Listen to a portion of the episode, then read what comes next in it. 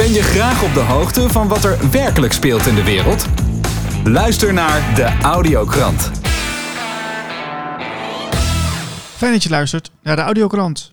Deze week praat ik met schrijver Rient Hofstra, schrijfster en onderzoeker Elze van Hamelen en journalist Rico Brouwer. Rient Hofstra, welkom in de show. Fijn, graag. Rient, je bent uh, schrijver al enige tijd. Je, je schrijft boeken over een alternatief staatsbestel. En ook uh, schrijf je in, uh, ja, voor verschillende media, waaronder de Andere Krant, OPN en Common Sense TV. Klopt. En ja, je bent vandaag voor het eerst in de audiokrant. Dat is een hele, hele eer. Hele eer, ja, zeker. Ja, ja. Wat ik best wel vraag is van, wat is jouw nieuws van de week? Nou, dat is heel moeilijk. Uh, ik heb me geprobeerd daarop te, op voor te bereiden. Mm -hmm. En uh, vond eigenlijk dat uh, de corona eventjes niet het nieuws moest zijn. Dat is het al 75 weken lang, dagelijks. Ja. ook Pieter Omtzigt viel van mij even af. Omdat ik ja, dat toch een, een enorme soap vind. En Pieter zich wel laat duiden als een, uh, een, een volksvertegenwoordiger, maar zich intussen gewoon laat muilkorven. Uh, in een partij waar een hoofdletter D wordt gevoerd. Mm. Uh, en als die een beetje, nou ja, zoals dat dan populair heet, ballen heeft, dan zou die een eigen partij beginnen. Met 23 zetels zou die geloof ik nu al uitkomen, volgens Maurice de Hond. En dan zou die wel democratisch kunnen functioneren verlost van uh, wurgende fractiediscipline. Maar goed, die is het ook niet geworden. En toen zag ik een berichtje uh, van misbruikverdachte ex-officier van justitie staat eindelijk terecht. Ik denk, nou, dat is, uh, dat is goed nieuws. Want eigenlijk op dit moment is het zo dat dit soort mensen, net als Joris Demming, door de politiek, en dan denk ik met name aan de VVD, de hand boven het hoofd wordt gehouden. Ja omdat deze mensen gewoon uh, partijbelangen vertegenwoordigen. Ja, en over wie een... hebben we het dan, uh, Rien? Want uh, dat is niet helemaal duidelijk nu. Nou, het is een voor mij ook onbekend iemand. Maar meer als idee, even kijken. Het is meneer L. Hij wordt dan ook met een één letter genoemd. Vincent L., een ex-officier van justitie. Maar die is al een aantal keren voorgedragen om berecht te worden. En elke keer werd dat, uh, ja, werd dat uh, afgedaan als uh, zijnde niet nodig. Net als met meneer Demming eigenlijk. Er, er zijn ja, parallellen te trekken. Oké. Okay. En, ja, en, en rechters worden partijpolitiek benoemd. Dus in wezen is dit een, ja, een, een, een, vorm van, of een, een, een, een puist van een, een corrupte maatschappij waar wij in leven een corrupte maatschappij, een corrupt Nederland, waar achterkamertjes gekonkel uh, nou ja, meer norm dan uh, uitzondering is. Uh, waar wurgende fractiediscipline en kiezersbedriegende coalitievormingen plaatsvinden en partijpolitieke benoemingen. En daar is dus hij er eentje van. Ja, want, wat, want je hebt, dus meneer, meneer L, zeg jij, wat is daar verder over bekend? Of is dat, is dat vrij onduidelijk nog? Nou, dat was één artikel. En waar het mij dus om ging, was dat hij nu eindelijk berecht wordt. Terwijl er uh, al verhalen gaan dat het uh, min of meer verjaard is, dat het al niet meer zou kunnen. Maar dat hij dus uh, ja, politiek beschermd is. In een, in een fout systeem dus. Ja. En ja, dan kom je dus eigenlijk bij, bij wat ik net noem corruptie. Een vorm van corruptie. Ja. Waar rechters niet meer onafhankelijk zijn. Ik bedoel, uh, iemand als uh, Jeroen Pols kan doen wat hij wil, maar hij zal het nooit winnen. Nou, dat vind ik een, een, een, een vorm van uh, niet juist politiek beleid en, en, en, een vorm van corruptie. Ja. Maar goed, dat, dat, artikel is het dus niet geworden. toen dacht ik dus aan een ander artikel, gemor bij links over het lonken naar de macht. En dan gaat het over de achterban van de Partij van Arbeid en uh, GroenLinks. Die denken dat ze, als ze aanschuiven, dat ze dan uh, macht hebben en meebepalen. Maar die mensen zijn ook zo ontzettend naïef. Want die moeten weten dat wanneer ze mogen aanschuiven, dat ze dan eigenlijk uitsluitend VVD, CDA en D66 standpunten moeten steunen of zelfs uitvoeren. Mhm. Dus, Maar goed, toen ik dacht dat dat het nieuws zou worden, kreeg ik ongeveer twee uur geleden voordat je belde, terwijl ik een artikel van Sander Compagner met Jan Storms in de nieuwste editie van de andere krant zat te lezen, kreeg ik het, het nieuws van de week, namelijk dat het FVD, Forum voor Democratie, weer eens uit elkaar is gevallen. Ja, dus hot nieuws. Uh, gelijk drie man eruit, hè? Drie man eruit, ja. En, dat, uh, en als ik dan even kijk naar het interview van, uh, van Sander Campagne met die Jan Storms. Jan Storms is een bewustzijnsdeskundige. Die onder andere stelt dat veel echt veel machthebbers geen geweten hebben.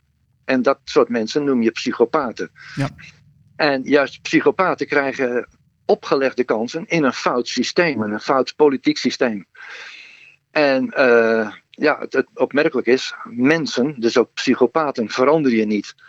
En systemen die psychopaten kansen geven, kunnen wel worden veranderd. Waardoor er uh, in wezen ze, die mensen beduidend minder kansen krijgen. Nou, dus dat, dat, dat, is niet helemaal uh, juist, denk ik. Want ik heb uh, binnenkort een gesprek met een psycholoog. En die geeft trainingen aan mensen die uh, psychopathische en narcistische klachten hebben. En de, die schijnen ja. daar wel van te kunnen genezen. Oké, okay, nou. dat is eventjes, dat hoor ik toevallig, toevallig vorige week. Dus Oké, okay, ik, uh, ik ga me daar niet in mengen. Alleen nee, dan okay. moeten, die psychopaten, moeten die psychopaten wel zelfstandig naar die psycholoog of psychiater gaan. Ja, absoluut. En ik heb het, ik heb het idee dat in ons uh, politiek systeem er nogal wat mensen met uh, autistische, psychopathische en ook narcistische trekjes rondlopen. Die niet van plan zijn om zich te laten helpen. Maar als er het systeem veranderd is en dit soort mensen domweg geen kansen krijgen, dan uh, zijn we wel voor een groot deel verlost van, van psychopaten zonder dat ze behandeld en genezen zijn. Mm -hmm, mm -hmm. Dus uh, ik vond het heel uh, intrigerend om van Jan Storms net te lezen wat er twee uur geleden bekend werd. Dat namelijk ja, toch ook wel weer mannetjes, en ik zal ze nu niet meteen psychopaat noemen, maar toch wel mannetjes die ja, die niet overweg kunnen weer met een ander mannetje, meneer Thierry Baudet, die heel duidelijk zegt, uh, na de, de, of, of, net voor die breuk, van ik ben de kapitein op dit schip.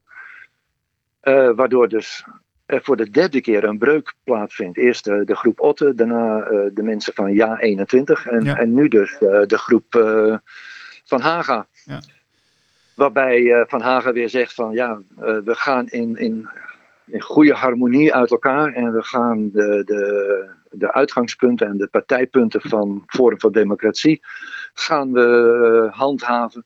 Dan denk ik, ja, uh, waar gaat het nou om? Gaat het om het volk, om de burgers? Gaat het om de partij of de partijen?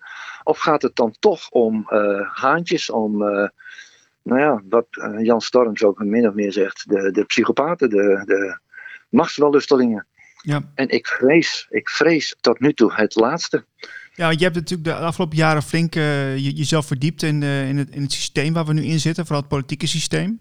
Uh, ja. Nou ja, je ziet dus nu dat, dat, dat, dat, heel veel, dat er heel veel afsplitsingen zijn binnen partijen.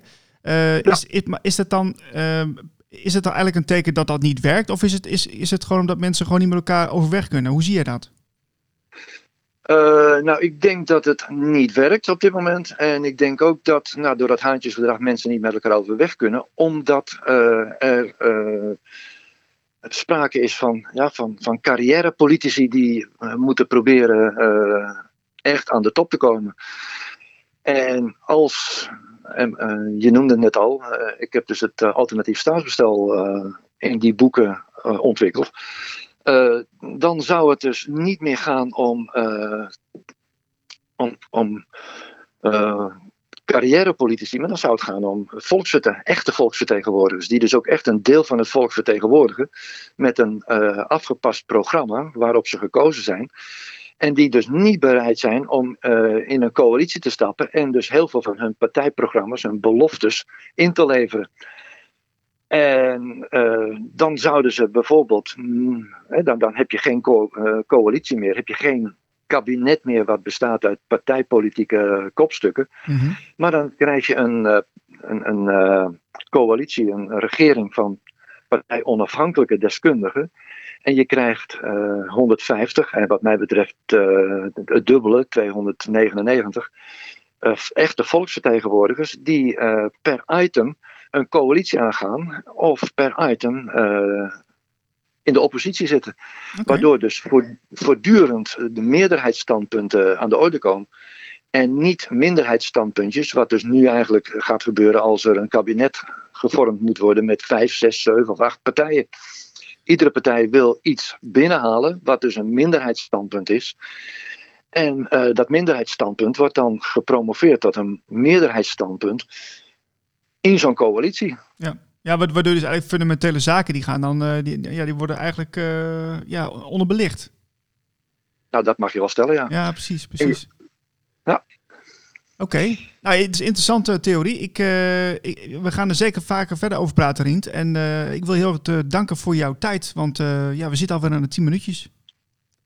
Nou, het gaat sneller dan ik had verwacht, maar uh, graag gedaan. Ik vind het een uitstekend initiatief om op deze manier in 10 minuten, dat is echt lekker afgepast, bepaalde belangrijke zaken aan de orde te stellen. Zo is het. Nou, ik, ik spreek je snel weer, Rient. En ik wens je nog een hele fijne dag. Dankjewel en jij succes met het vervolg van deze uitzendingen. Elze van Hamelen, welkom in de show. Hey Niels, leuk er weer te zijn. Ja, Elsie, je bent natuurlijk uh, uh, zelfstandig onderzoeker. En uh, je doet interviews voor Café Welsmatch en je schrijft voor Gezond Verstand. Ja. Dus je zult het wel heel druk hebben. Maar wat, wat is jouw nieuws van de week? Mijn nieuws van de week? Nou, het is eigenlijk een beetje nieuws van vorige week, maar toch wel zo belangrijk dat ik het onder de aandacht wilde brengen. Um, het gaat over het veranderen van de inhoud van de dodenherdenking. En um, ja, ook wel links met de Great Reset die ik daarin zie. Oh, wat, uh, wat, wat, op, wat opmerkelijk. Ja, ik zal even kijken. In het Nieuw Historisch Week Nieuwsblad uh, stond het bericht dat de dodenherdenking en bevrijdingsdag staan de komende jaren in het teken van diversiteit en zelfkritiek. Tegelijkertijd blijft de holocaust een aandachtspunt. De holocaust een aandachtspunt? Ja, dus ik struikelde daar een beetje over. Ja, dat kan me voorstellen. Want uh, de, de, ja, dat is natuurlijk een van de, de, de meest verschrikkelijke uh, ja, gebeurtenissen van de afgelopen honderden jaren. Uh, en dat wordt nu dus eigenlijk gereduceerd tot, ja, tot, tot een soort bijzin.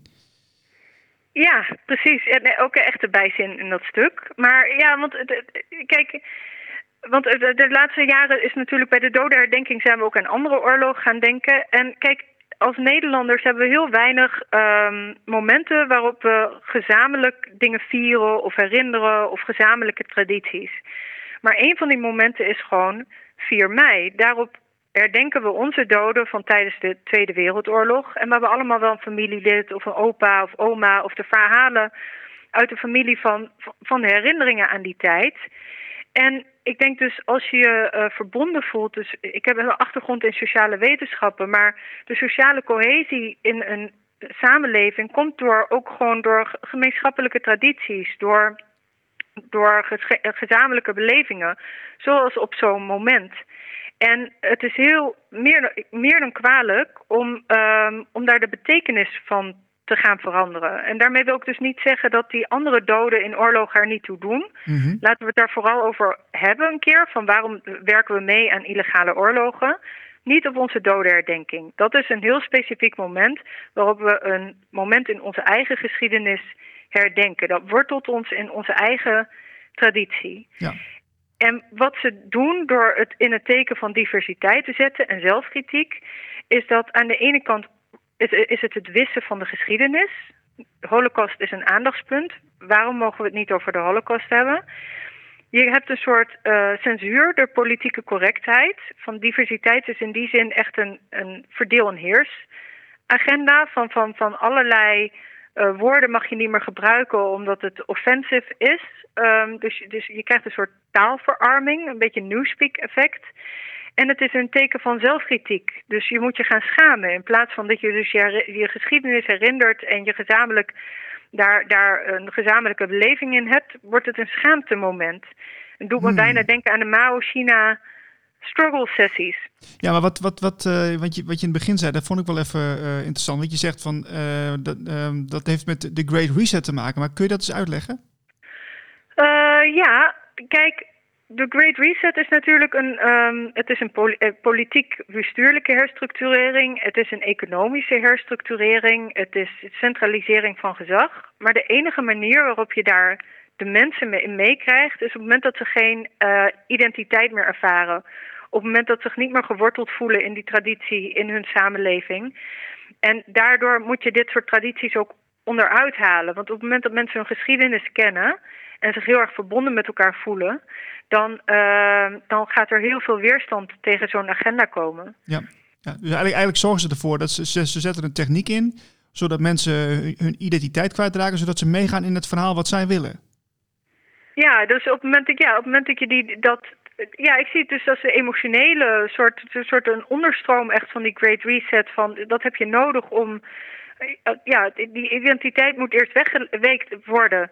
Uh, dus je mag niet meer uh, traditioneel gezin, dat uh, kan niet meer. moeder of vader, zij zijn opeens niet meer juiste termen. Um, dus, dus ja, het zijn allemaal manieren waardoor je. Ja, ik, je identiteit geeft je ook zekerheid, geeft je ook worteling. Um, dat is ook de manier waarop je met anderen relateert. En als je dat wegpoetst, dan, ja, dan word je allemaal een beetje windvaantjes. Uh, ja, en dan, dan kan iedereen hersenloos mee in zo'n reset.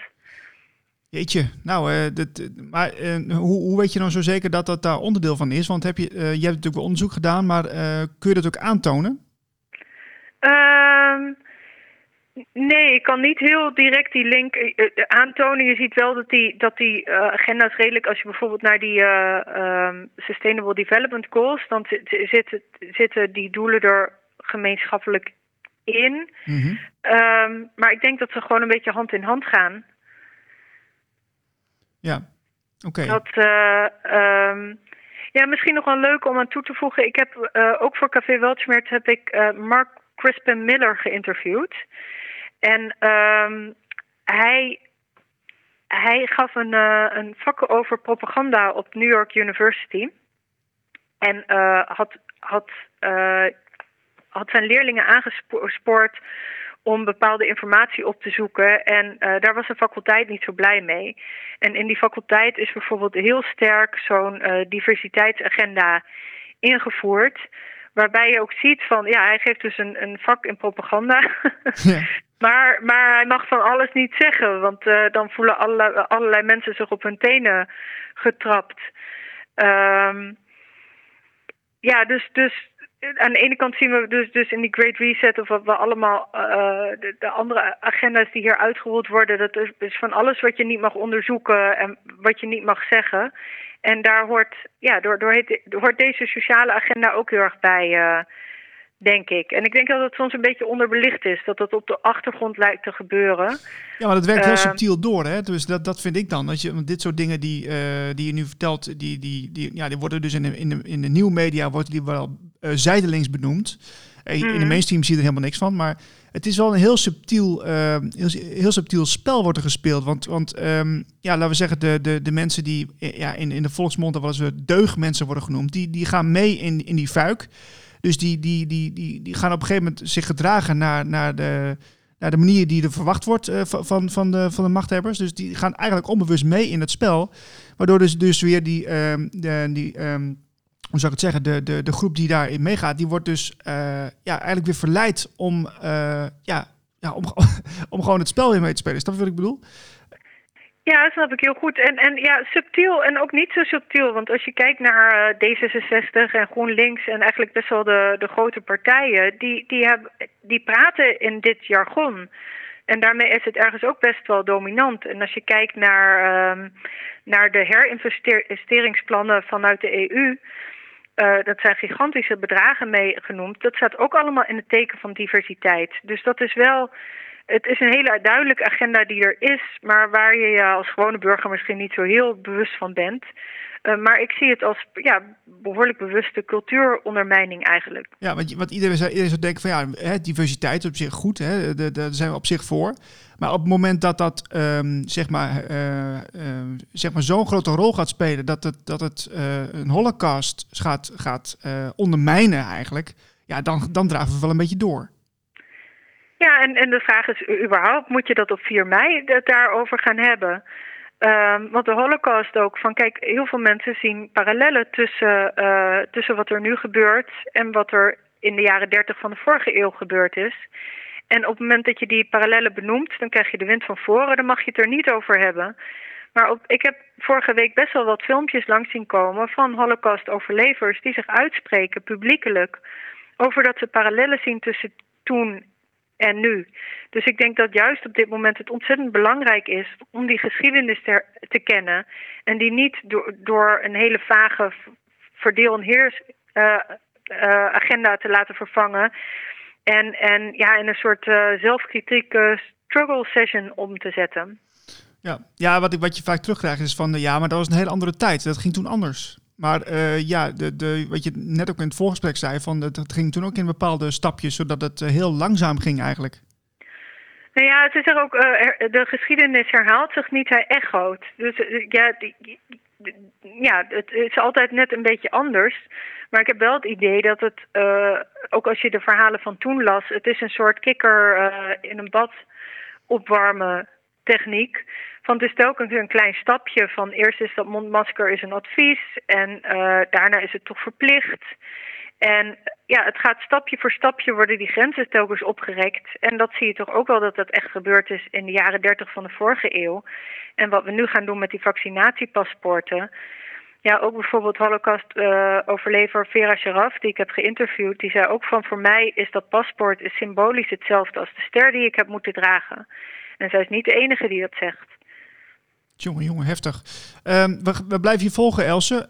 Um, hoe kunnen mensen jou het beste bereiken? Via Twitter of uh, andere media? Um, ja, ik heb een website www.vanhamelen.eu. Uh, en daar kun je ook inschrijven voor mijn nieuwsbrief. en die stuur ik wekelijks uit. En dan deel ik allerlei nieuws wat normaal nieuws niet haalt.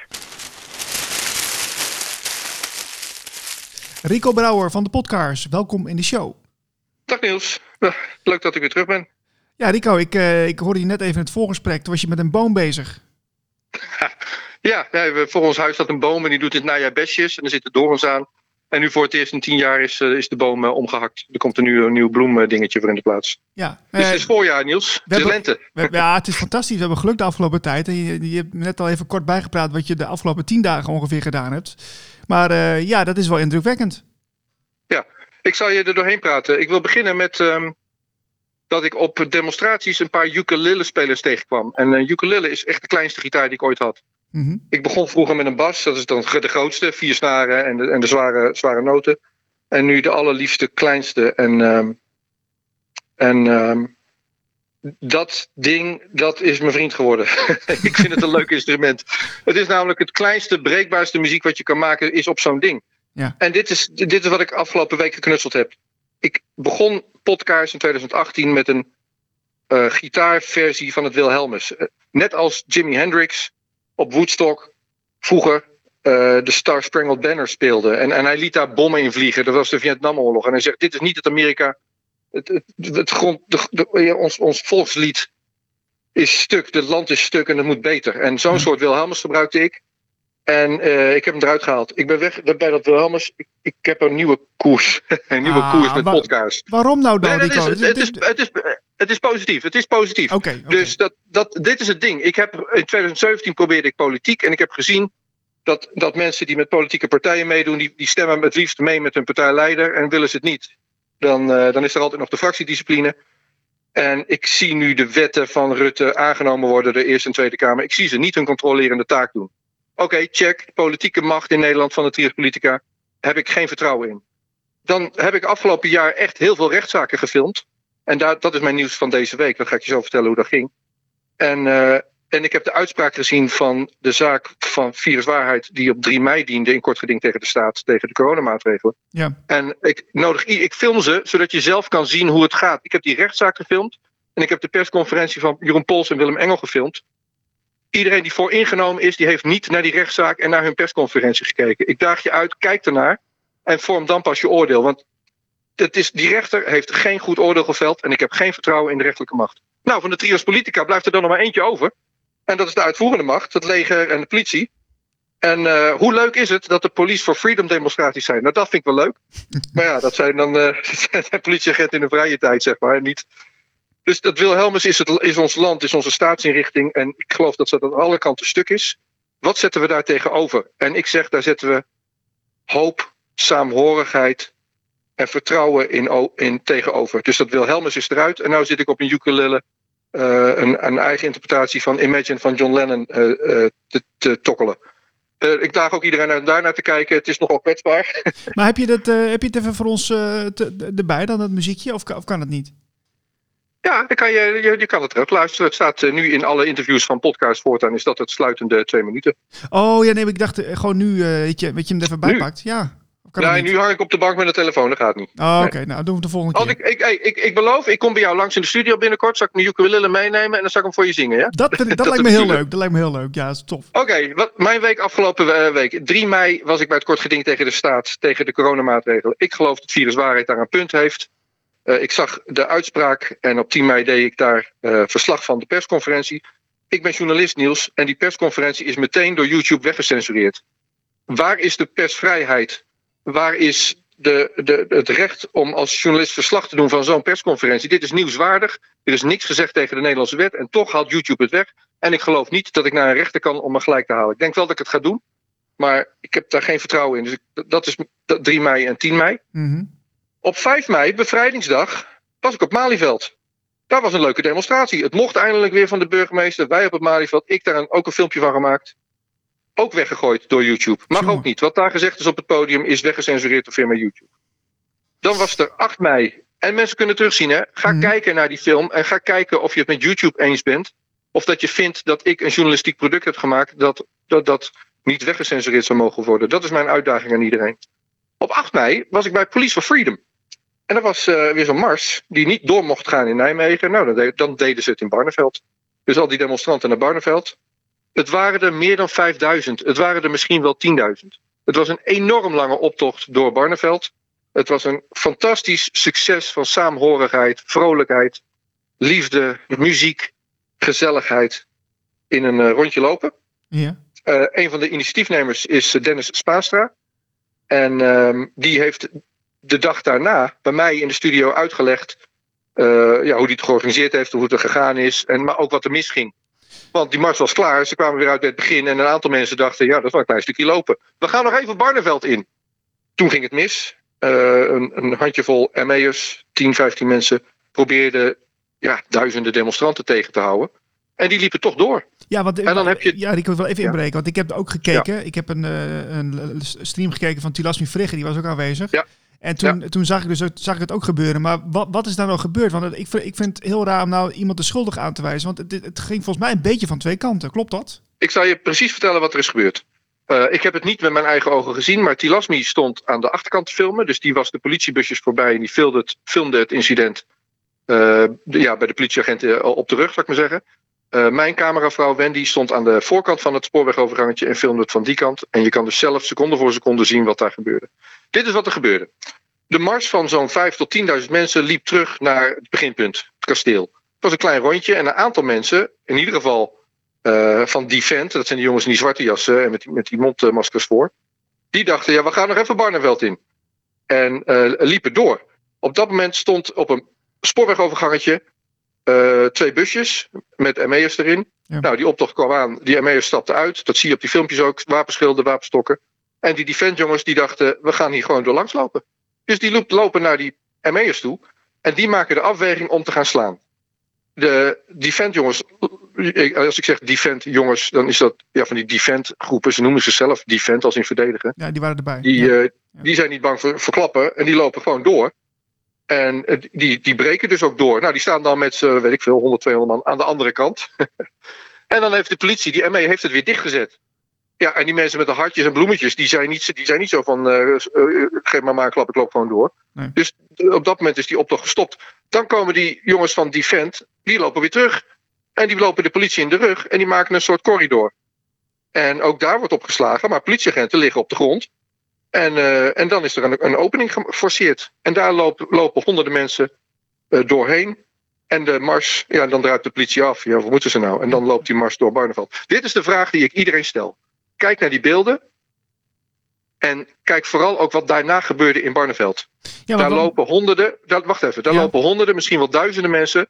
Een kwartiertje lang of zo, tien minuten, een kwartiertje. Door Barneveld een rondje met hun spandoek en hun liedjes. En dan lopen ze over hetzelfde spoorwegovergangetje terug naar het kasteel waar iedereen al stond te wachten. Welke autoruit is gesneuveld? Welk propje is achtergebleven? Welke prullenbak is in de fik gestoken? Uh, welke winkelruit is gesneuveld? Niks. Hier waren een paar honderd, paar duizend mensen die gebruik maakten van een recht op demonstreren en liedjes zingen in optocht door Barneveld. Daar werd op geslagen door de wapenstokken. De eerste klappen vielen door de ME die daarvoor gingen staan. Waarom kregen die de opdracht om deze mensen tegen te houden? Want je hebt het recht om te demonstreren. Wat maakt dat de burgemeester dat verbiedt? Dat zou ik willen weten. Ja, dat is een goede vraag. Nee, je, je, je beantwoordde mijn vraag eigenlijk al van de, wie begon er met slaan. Maar dat, was dus, uh, dat is dus terug te zien op de beelden. Dat was dus de, de ME. Ja, je kan het punt maken. Je mag er niet langs van de ME. Dus moet je er niet langs. Dus het is, het de, schuld als je de schuldvraag uh, zoekt. Is het de schuld van Defend? Ja, dat punt kan je ook maken. Je kan ook zeggen, de, de militaire eenheid, die, die 15 agenten daar, die staan daar illegaal. Ze houden een demonstratie tegen en je hebt het recht op demonstreren. Dus ze hebben daar niet te staan. Uh, dat is ook een valide punt. Ja, ja. Hey, je, bent, je bent nu dus eigenlijk bij, bij, bij, al die demonstraties bij betrokken. Je bent bij Virus Waarheid betrokken. Uh, ik zie dus uh, eigenlijk door heel het land zie ik jou wekelijks gaan. hoe zorg je ervoor dat je nog een beetje luchtig en, en zo de boel een beetje overziet in je leven? Ik, ben, ik ga je zo antwoorden, maar ik ben niet. Ik, ik voel me betrokken als in het gaat me aan het hart wat daar gebeurt. Ik ben geen onderdeel van die de demonstratieorganisatie of van Viruswaarheid, ook niet van BPOC. Ik vind het heel mooi dat burgers initiatieven nemen, alle initiatieven. Ik vind het ook mooi wat die Defend mensen doen. Mm-hmm. Dat ze niet bang zijn voor die wapenstok en dat ze een corridor maken voor mensen die willen demonstreren. Ik vind dat echt. En ik wil die Defend jongens, dat heb ik eerder ook gezegd, die zijn hier ook welkom. Ik wil een interview met ze als ze met een gezicht op de, op de camera durven.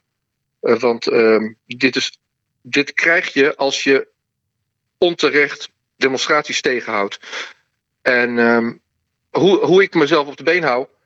Nou, ik word echt super vrolijk van, die optocht. Je moet je realiseren, we hebben twee uur lang door het bos en door, de buitenwijken van Barneveld gelopen. Ik heb daar alleen maar vrolijke mensen gesproken. Ik zit ukulele te spelen, ik ben leuk aan het kletsen met mensen. Dit zijn mensen die opkomen voor het recht op demonstreren. En dat maakt mij uh, op een heel fundamentele manier vrolijk in een wereld waar mijn persvrijheid wordt geschonden uh, waar YouTube me censureert terwijl ik alleen maar verslag doe van een persconferentie. Of van een, van een, van een demonstratie op Malieveld. Dus ja, het, uh, het, het, het eet al mijn tijd op, dat is waar. Ik weet niet wat ik anders zou moeten doen. Tot zover deze audiokrant. Wil je meer informatie? Ga naar blikoptemaatschappij.nl